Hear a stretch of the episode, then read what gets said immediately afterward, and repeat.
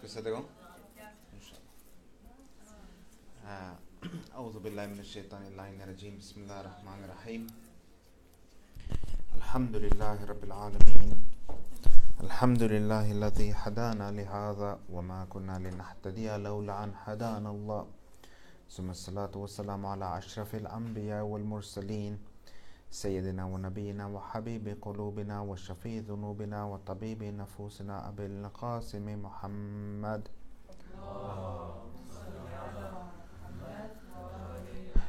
اللهم كل وليك الحجة ابن الحسن صلواتك عليه وعلى آبائه في هذه الساعة وفي كل ساعة وليا وحافظا وقائدا وناصرا. ودليلا وعينا حتى تسكنه أرضك طوعا وتمته فيها طويلا För Imamens vägar och vänliga skicka en salawat. Salli ala Muhammad. Vi ska idag eh, börja gå igenom en eh, annan bok. Och det finns en tanke bakom den. Eh, boken vi ska gå igenom är 40 hadith av Imam Khomeini. Eh, eller på arabiska eh, Arbaun hadith eller Chal hadith på persiska. Eh, varför vi har valt den här boken är för den boken är någonting speciellt, den är någonting unikt. Det är en ganska så tjock bok. Jag vet inte, få kanske läser den och så, men går man igenom den på en föreläsningsform så Eh, kan man få ut ett budskap varje gång eh, från den. Imam Khomeini, vad han gjorde var, var att han använde sig av samma struktur som flera andra Olema har gjort tidigare. Det vill säga att han gick igenom 40 hadiser. Eh, och det här konceptet av 40 hadis finns bland eh, många av våra lärda och många böcker. Eh, men ibland så var lärda göra att de tar 40 hadis om mat eller 40 hadis om familj. Men vad Imam Khomeini gjorde var att han tog 40 hadis om olika saker inom akhlaq. Och anledningen till att man oftast tar det här med 40 hadis och konceptet av 40 hadis är för att vi har en hadis från profeten som både Shia och Sunnibröder tror på. Och den hadisen sägs vara mutawathir, vilket betyder att den kommer från olika oberoende källor och därför så anser man att den är sann. Och det finns eh, flera olika versioner av hadiser eh, och vi ska ta den som Imam Khomeini nämner. Och den hadisen är från då eh, Sheikh Suduq som har tagit den från Imam Qazim al som har tagit den från profeten sallallahu alaihi wa sallam. Allahumma salli ala على مجلس عن سير بحار الأنوار من حفظ على أمتي؟ أربعين حديثا. ينتفع بها بعث, بعث الله يوم القيامة فقيها عالما. Den som memoriserar 40 hadiser från min umma och implementera de här 40 ändringar i hans personliga liv. Så det är inte bara memorisera, utan implementera dem eh, uh, utför de här ändringarna i livet, han kommer på domedagen att väckas, återuppstå som en alim. Det är vad hadisen säger. Så vad betyder det här i praktiken? Det betyder att när man läser någonting och man får elm och man memoriserar. Det som det betyder i praktiken det är att den ilm man har fått, det man memoriserar, det ska man utföra en förändring. Annars är kunskapen är värdelös. Och så är det med all kunskap också. Om man tänker, eh, jag kommer ihåg när jag läste på universitetet, jag läste en teknisk utbildning. Eh, och det som skiljer tekniska ingenjörsutbildningar jämfört med kanske utbildningar inom vården eller andra legitimerade utbildningar det är att man kommer ut man kan lika lite som man kunde när man kom in. Alltså man kan inte applicera det på något sätt. Eh, så det är inte så att när man läser läkare eller sjuksköterska i något annat yrke, att när du kommer ut då har du någon praktisk sak utav det. Uh, och jag kommer ihåg att just uh, min pappa sa till mig att han sa att det enda du har lärt dig efter de här åren är att tänka logiskt. Men inget annat egentligen för all matematik och så vidare. Man kan inte applicera den direkt. Så all kunskap vi egentligen lär oss i världen, det är en kunskap som man måste kunna applicera, som man måste kunna ta till sig. För annars är det bara fakta. Och det ger ingenting. Och det är samma sak med de här 40 hadiserna, konceptet av 40 hadiser. Att om vi bara lär oss den, eller vi bara läser och memoriserar. Varför skulle Gud väcka oss som en alim, som en lärd? För i nästa värld så har inte du din hjärna med dig, du har inte ditt minne med dig, du har din själ med dig. Så de här 40 hadiserna ska ge en skillnad i din själ och det är den här själen du kommer återuppväckas med. Så Imam Khomeini han skrev den här, eller han, egentligen den var i form av föreläsningar som han gav i Qom år eh, 1358, så ungefär 86 år sedan. Så han gav den i Qom som föreläsningar i Hausa där och sen senare så gjordes den till en bok, eller han gjorde den själv till en bok faktiskt. Och utav dessa 40 hadiser så handlar 34 om akhlaq och 6 handlar om aqaid, alltså tro.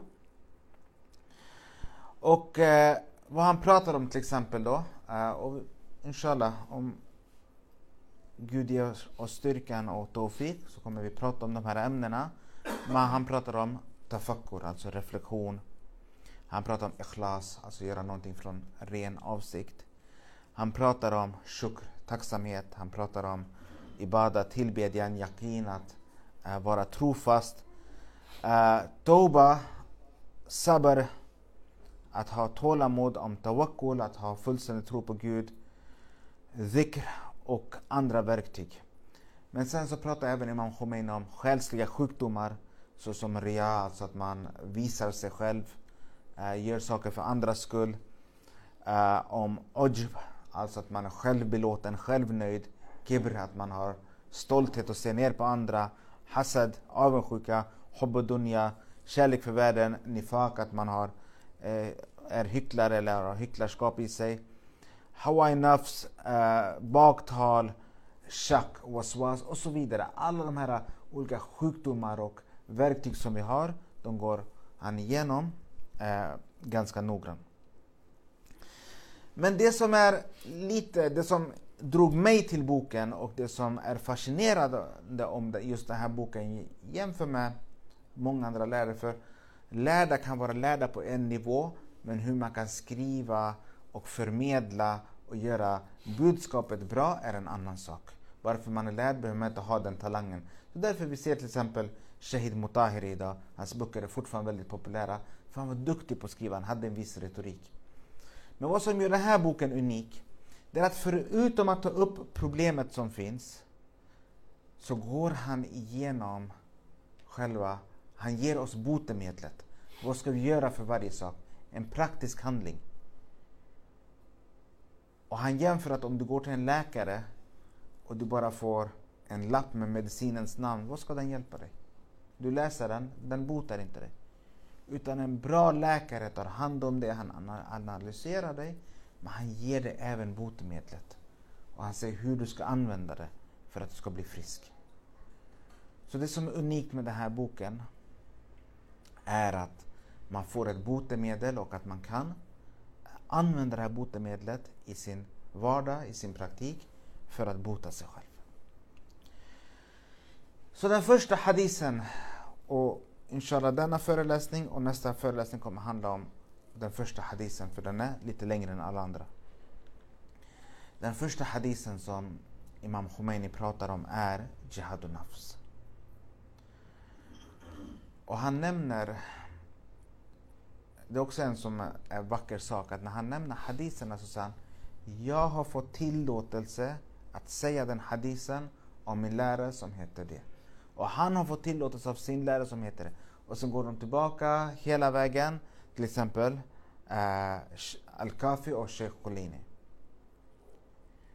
Så man blir ganska rörd av att, det, att kedjan av hadiserna går från lärd till lärd till lärd och alla nämns och att det är en personlig koppling till hadisen. Så den första hadisen om Jihad nafs handlar om ett event där profeten skickade ut en liten armé. Alltså arabiska ordet som används är en bataljon, alltså ungefär 400 personer. Så det var inte en full armé, utan det var 400 personer som gick på en jihad och profeten var själv inte med. Och när de kom tillbaka så gratulerade profeten dem. Välkomna tillbaka. Han sa välkomna till folket som har fullgjort den lilla jihad, den lilla kampen. Och, de, och för dem finns fortfarande den stora jihad, den stora kampen. Så folket blev förvånade och sa, ska vi till en större, till ett större krig, till en större eh, fält, en större armé. Vad menar profeten med en större jihad? Och profeten svarade att den största kampen, eller den stora kampen, är kampen mot den egna nafs. Och här, när vi brukar lära småbarn furuedin, vi ser första är bönen, andra är fastan, tredje är hajj, fjärde är jihad. Eller khum, zakat och sen jihad. Jihad är en sak som är en av de tio wajib-sakerna i furuedin. Och man kan fråga sig, hur kan Gud göra någonting wajib om inte man ska göra det ofta eller i den frekvensen som man behöver göra någonting wajib? Och det här det här konceptet jihad nafs kommer in. Att det här jihaden är en jihad som vi som troende borde göra varje dag och är wajib. Alltså om man inte gör den så syndar man. Och den här jihad är större än den fysiska jihad. Varför? För den fysiska jihad har massa villkor och eh, det måste vara en, den högsta maraja som i dagens läge som antingen utropade eller imamen själv som utropade under vissa villkor och så vidare. Men den här är mer speciell. På vilket sätt? Om man kollar på de största shuhada vi har idag. För vi har tusentals shuhada. Kolla Syrienkriget, kolla Irak mot Daesh och så vidare. De största shuhada vi har idag, vilka är de? Hur blev de så stora? Shahid قاسم Soleimani, Shahid Mahdi Mohandes, Shahid Hojaji. Hur blev de så stora? För att de innan den här fysiska jihad, innan de gick ut, så hade de utfört den stora jihad inom sig själva. De var rena personer. De hade den bästa akhlaq. De hade den bästa tawakkul. De hade den bästa ikhlas. Alla de här egenskaperna hade de redan, sen gick de ut. Och vi ser även i islams historia, de andra khulafa som fanns, som inte var rättfärdiga khulafa, när de gick och tog över olika länder, romarriket och Spanien och persiska riket och så vidare. När de gjorde det, de är inte prisade på något sätt idag. De var inga speciella. Det var en fysisk kamp de gjorde. De hade en större, större armé. De dödade motståndarna, mycket troligt felaktigt sätt. Och de fick lite mark. Det är egentligen vad de gjorde. Så deras jihad var inte för islam. Deras jihad var för dem själva, för deras makt, för deras nafs. Medan, om vi kollar Imam Hassan salam. När han skrev avtalet med Muawiya så hade han utfört jihad al-nafs. Den stora jihaden, jihad akbar. Imam Hussein salam. När han gick i Karbala och krigade mot Yazids armé så hade han redan utfört jihad akbar. Men även Imam Hussein vi ska inte glömma bort de här åren, tio åren då han hade slutit fred med Muawiya. Det var också jihad nafs. Så den här jihad nafs, den stora jihaden, kampen mot sig själv, är så viktig att om du inte lyckas med den så kommer du inte lyckas med den mindre jihad heller.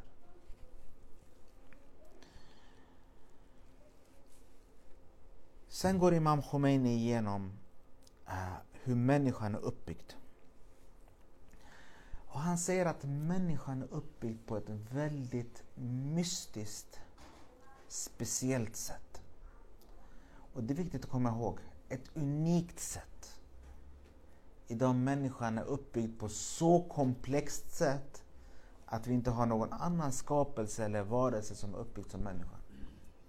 Så egentligen, det här är en påminnelse för oss att när vi själva känner oss nere, när vi känner att det finns inte så mycket kvar, tappar hopp, tappar tro, så måste vi komma ihåg att Gud har skapat mig som den mest speciella, unika människan, eller varelsen, som finns.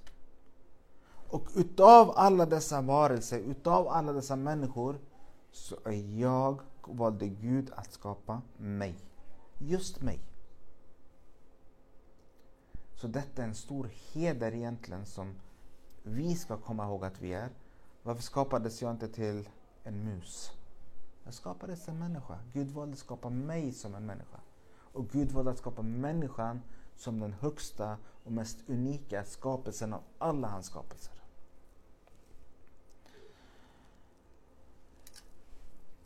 Så vi är det här speciella och vi har två delar. Vi har en del som är världslig, mulki. Och mulk är den lägsta nivån av existensen. Så vår kropp, vår fysiska kropp, befinner sig alime mulk, den lägsta nivån.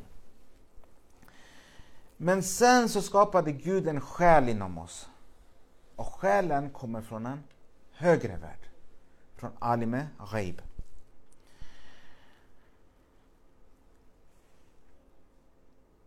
Kroppen alltså är världslig medan själen är från malakut. Så du har alime malakut och du har alime mulk. Och vad händer? Det som pågår inom oss hela tiden, det är en kamp. Vi har de goda soldaterna och vi har de shaitani soldaterna. De som säger till oss att göra bra saker, de säger till oss att göra dåliga saker. Så i vår själ, i vårt hjärta pågår en kamp. För varje sak. Ska jag gå höger eller vänster? Ska jag sova nu eller inte? Ska jag äta nu eller inte? Hur mycket ska jag äta? Vad ska jag äta? Hur ska jag prata? Hur ska jag bete mig? Pågår en kamp. Du kan lika gärna äta, prata, sova, säga, tänka på fel sätt som på rätt sätt. Och ju mer de Vissa lärare kallar det för soldater, de, alltså uh, malakut-soldater, alltså änglaliknande soldater. Ju mer ljuset vinner och tar över ditt hjärta och din själ, desto mindre kommer det mörka trängas bort. Men ju mer det mörka vinner och tar över dig, desto mer kommer ljuset trängas bort. Så det är en balans. Vill du ha ljus inom dig eller mörker mörker inom dig? Så själen är i alim och malakut. Och det som händer, som Imam Khomeini förklarar, nu det är inte så att ena nivån är där och andra där, utan det är mer komplext än så. Men det som händer med din själ hela tiden, att den befinner sig i alim och malakut, men antingen kan den befinna sig högre eller lägre. Alltså nära dunja eller, eller högre i alim och malakut. Men kommer aldrig det, för själen är inte världslig. Trä världsligt, en sten är världslig, men din själ kan aldrig bli världslig. Den befinner sig i Alima Malakut hela tiden. Men är den till gränsen till Dunja eller är den långt ifrån gränsen till Dunja?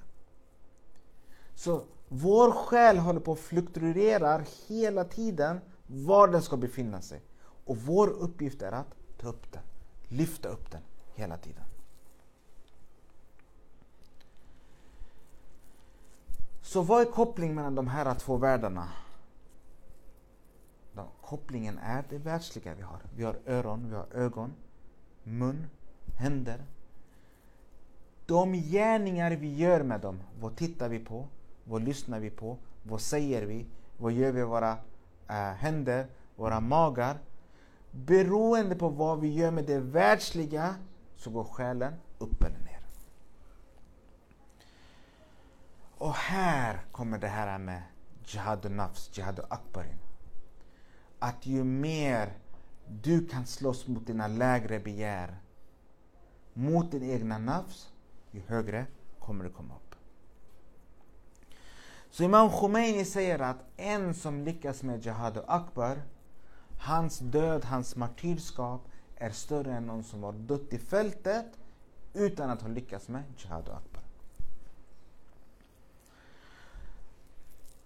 Sen går Imam Khomeini igenom olika verktyg som vi kan använda för detta. Och då ska vi prata om tre verktyg idag. Första verktyget är tafakkur. Reflektion, tänka. Tafakkur är någonting som uh, vi förtjänar. Det är en hack vi har på oss själva. Alltså att vi ska under antingen flera gånger men åtminstone en gång per dag så ska vi gå i sidan och tänka vad gör jag? Vem är jag? Varför Gud skapat mig? Varför Gud skapat människan? Vad är mitt syfte? Har jag idag kommit närmare Gud eller inte? Vilken kurs håller jag på att gå i? Det här är ett verktyg som även används i det västländska samhället. För idag vi har att blicka tillbaka på jobbet, utvecklingssamtal. Vad har du gjort det senaste året? Och vad ska du göra nästa år? Alla mm. typer av utvecklingar som sker i det världsliga är en stund då man ska reflektera. Jag tror Steve Jobs han brukade kolla sig själv i spegeln och säga Är jag bättre än igår? Har jag lyckats mer än igår? Om svaret var nej, två dagar på rad eller något liknande, så ändrar han riktning. Så det här är ett verktyg vi ska använda där vi ska dagligen ställa oss frågan Vad håller jag på med? Och tänk er vad vacker effekt det här kan få för när de som går in i väggen drabbas av de, eh, depression, drabbas av ångest. Det är inte så att över en natt så drabbas man av allt detta. Utan det är en successivt sak som hamnar i dig, som tar över dig och till slut går du in i väggen. Men om du som människa hade gjort din plikt mot dig själv och tänkt till innan att vad gör jag? Var är jag på väg? Vad är mitt syfte? Håller jag på med rätt saker i livet? Hur kan jag förbättra mig? Det här är bara en nivå. Det finns jättemånga nivåer i reflektioner. Men om man utför detta mot sig själv så kan man ändra kurs innan man går eh, fel för långt. Så det är ett verktyg som vi får. Det andra verktyget som vi får är beslutsamhet.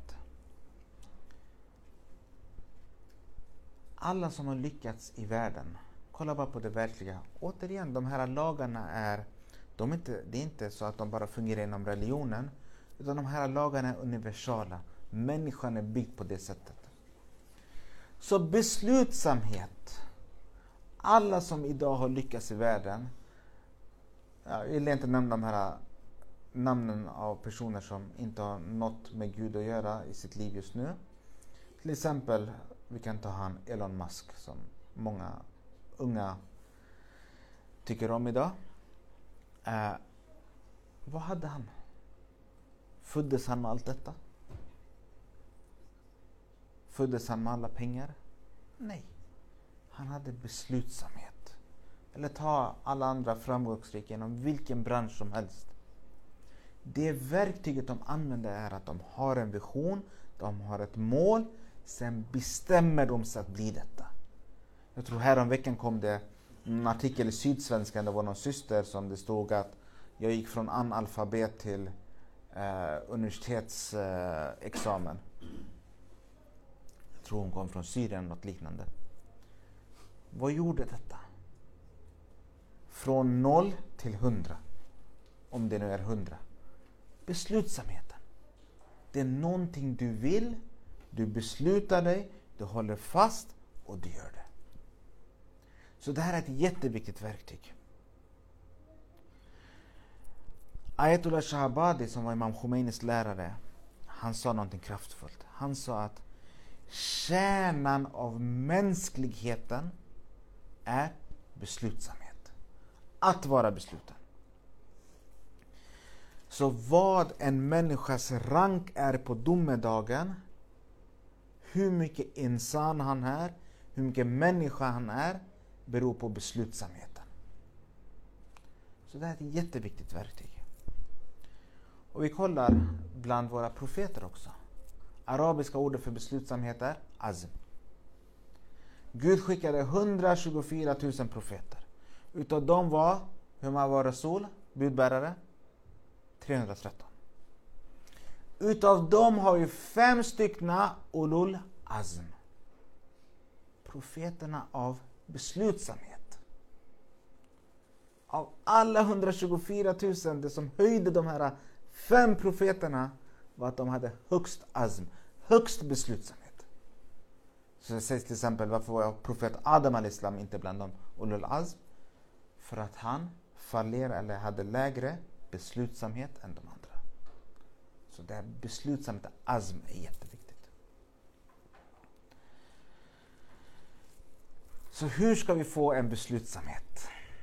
Hur ska man göra för att bli mer beslutsam i sitt liv och lyckas på det sättet? Det första verktyget vi har är musharata. Alltså att du lägger en kärt på dig själv, ett villkor på dig själv, ett krav på dig själv. Jag vill göra detta.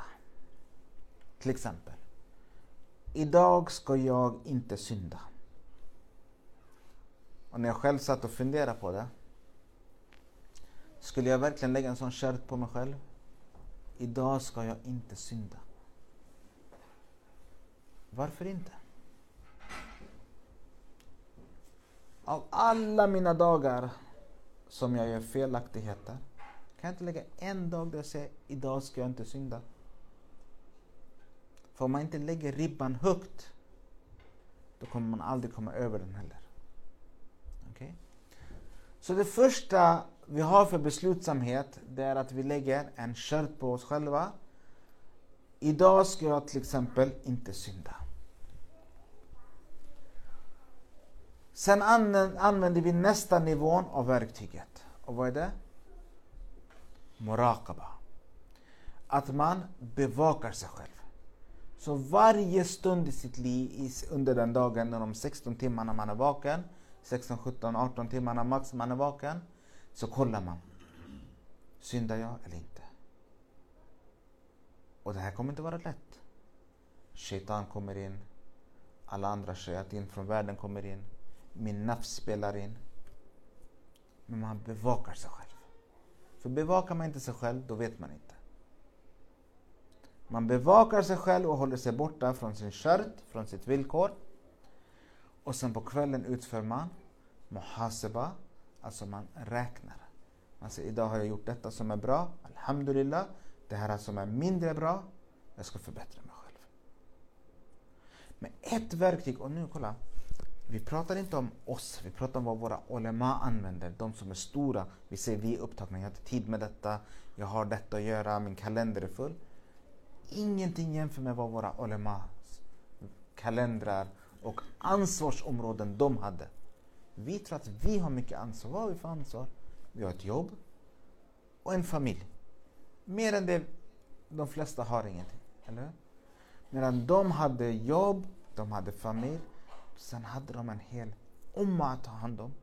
Folket att ta hand om. Folk kom för råd. Folk hade problem. Men förutom det, de tog hand om folket, de var hausa-lärare, eh, lärde upp. Sen de behövde lära upp sig själva, deras egna utveckling också. Så de hade 10-100 gånger mer än vad vi har. Men de gjorde detta. Så om de gjorde detta har inte vi en ursäkt. Men vad gjorde de? De skrev ner på papper och penna. De antecknade en dagbok. Idag vi har så lätt att vi har mobiltelefonerna, kan spela in ett röstmemo. Men håll koll på dig själv. För vem ska annars göra det? Vill vi ha en överraskning på domedagen? Det var ups, just det, jag gjorde detta. Eller vill vi fånga oss själva här? För vi har sagt för några lektioner eller några föreläsningar sedan att om någon säger till dig ditt brist, du kommer inte tycka om det. Men säg till dig själv i så fall. Om inte du accepterar att någon annan säger det, om inte du har en sån relation med någon annan person, säg till dig själv. Skriv ner den, sen på kvällen säger du Åsa Kalein, idag gjorde du detta, detta, detta som fel. Ofta är vi hårda mot andra, ser andras misstag, andras brister. Men kolla på dina egna. Hadiset säger att om du kollar på dina e egna brister, om du är upptagen med dina egna brister, du kommer ens inte se de andras brister. Men vi är upptagna med att se på andras brister, tjafsa, bli besvikna, bli ledsna. Medan vi blir aldrig besvikna och ledsna på oss själva. Så vad blir resultatet då? För det här är intressant. Om du gör detta varje dag och lägger upp en skört för dig själv. Vissa lägger upp det för 40 dagar, vissa en månad, vissa dagligen. Om du gör detta och du fortsätter, vad händer? Det blir en utveckling inom dig, eller hur? Och det dåliga försvinner. Till slut, den här bra egenskapen som du har tagit in i dig själv blir ett tillstånd av din själ. Det blir en malaka, alltså ett tillstånd. Ett permanent tillstånd. Så om din själ var där och sen kanske gick så här, så blir det permanenta tillstånd där nu. Och sen kanske den går så också. Men ditt permanenta tillstånd blir högre. Har ni sett vissa människor som är naturligt generösa, som har generositet som deras eh, personliga, alltså som en, som en del av deras personlighet. Det här är deras malaka. De, deras naturliga tillstånd är att deras rahmania eller rahimia är högre än min, så jag ser den. Så genom att bevaka sig själv, genom att sätta mål för sig själv, bevaka sig själv, redogöra för sig själv, utvärdera sig själv. För det är exakt de här metoderna som man använder idag i alla länder. Men genom att göra detta så blir ditt tillstånd högre. Det tredje verktyget, tazakkur. Vad betyder det? Det hjälper att vara det, det betyder att vara medveten, alert, att komma ihåg, att uppskatta en viss situation. Okej? Okay?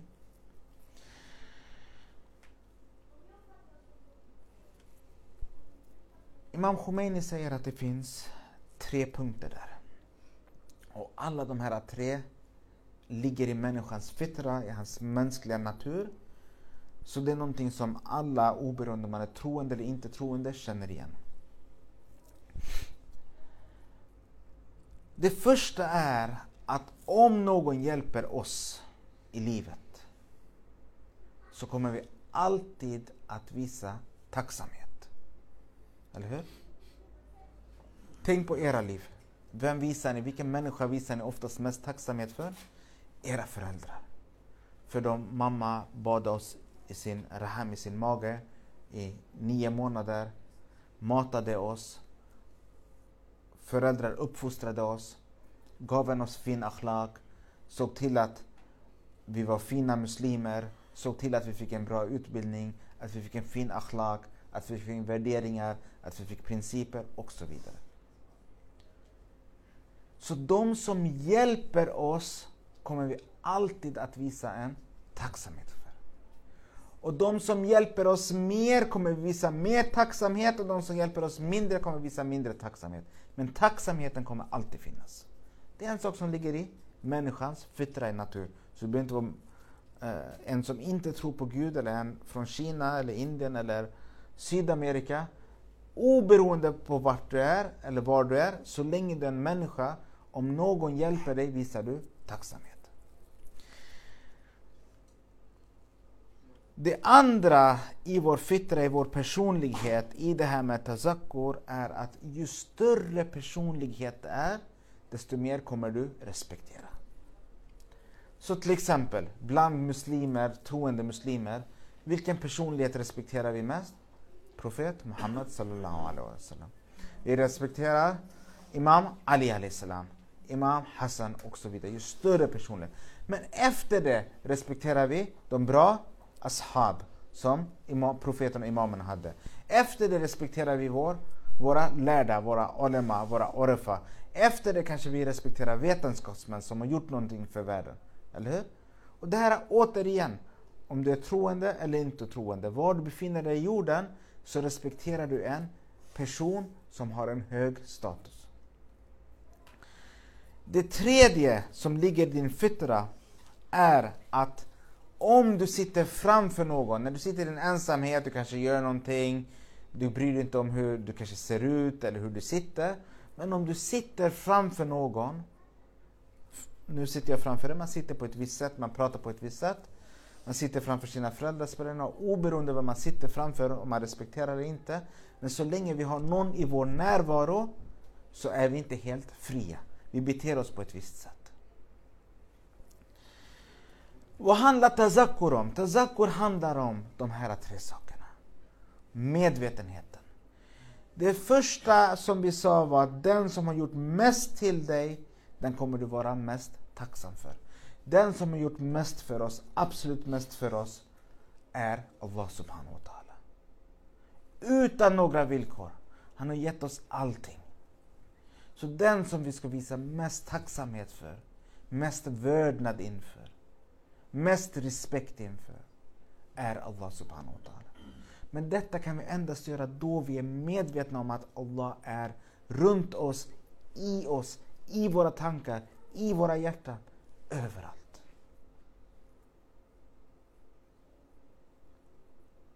Det andra som vi sa är en person som, vad sa vi, kommer ni ihåg? Vi sa att det andra är en person som har stor personlighet. Och det finns ingen annan som har den högsta, pratar om personen, Gud har den största azm, största personligheten, största izza, största allting, största perfektionen. Kan inte jämföras med någon människa. Så framför honom ska vi vara mest respektfull och medveten. Och det tredje var, vadå? Att en person som vi är runt omkring. Som vi har runt omkring oss. Och det är också alltid Allah subhanahu wa ta'ala.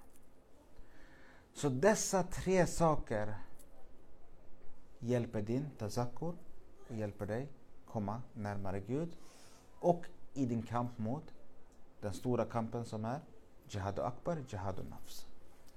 Så vi avslutar föreläsningen så långt idag. Sen går vi igenom andra delen av Jihad Nafs nästa gång med andra verktyg fast på ett djupare plan. Och sen efter det kommer vi inshallah börja med den första eh, sjukdomen som kommer vara Ria.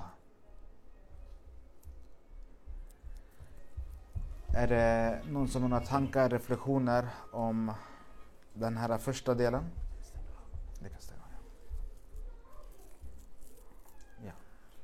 Uh, jag tänkte på det här med att det är så mycket man, uh, man vill ändra på sin vardag. Mm. Och, uh, som du sa, att man går upp och ner och upp och ner i sitt ställe. Um, vad ska man börja på som är viktigast för en, alltså Mm. stegvis om man säger så. Ehm, detta är en del av frågan är personlig för att du känner dig själv. Eh, du vet vad du behöver börja på bättre än någon annan. Så välj det. så har du svarat. Men samtidigt, sätt ett mål som du vet du klarar av. För det är så här, kolla samma sak här igen. Att om man sätter för högt mål eh, och så misslyckas man och sen ger man upp, sen gör man samma sak och så tappar man självförtroende. Sätt ett litet mål. Till exempel, okej, okay, om jag är en person som svär mycket, idag ska jag inte svära. Fast jag vet att ingen här svär, men ett litet lätt mål. Så att man känner att på kvällen att jag har fått en boost, jag klarade det lilla målet.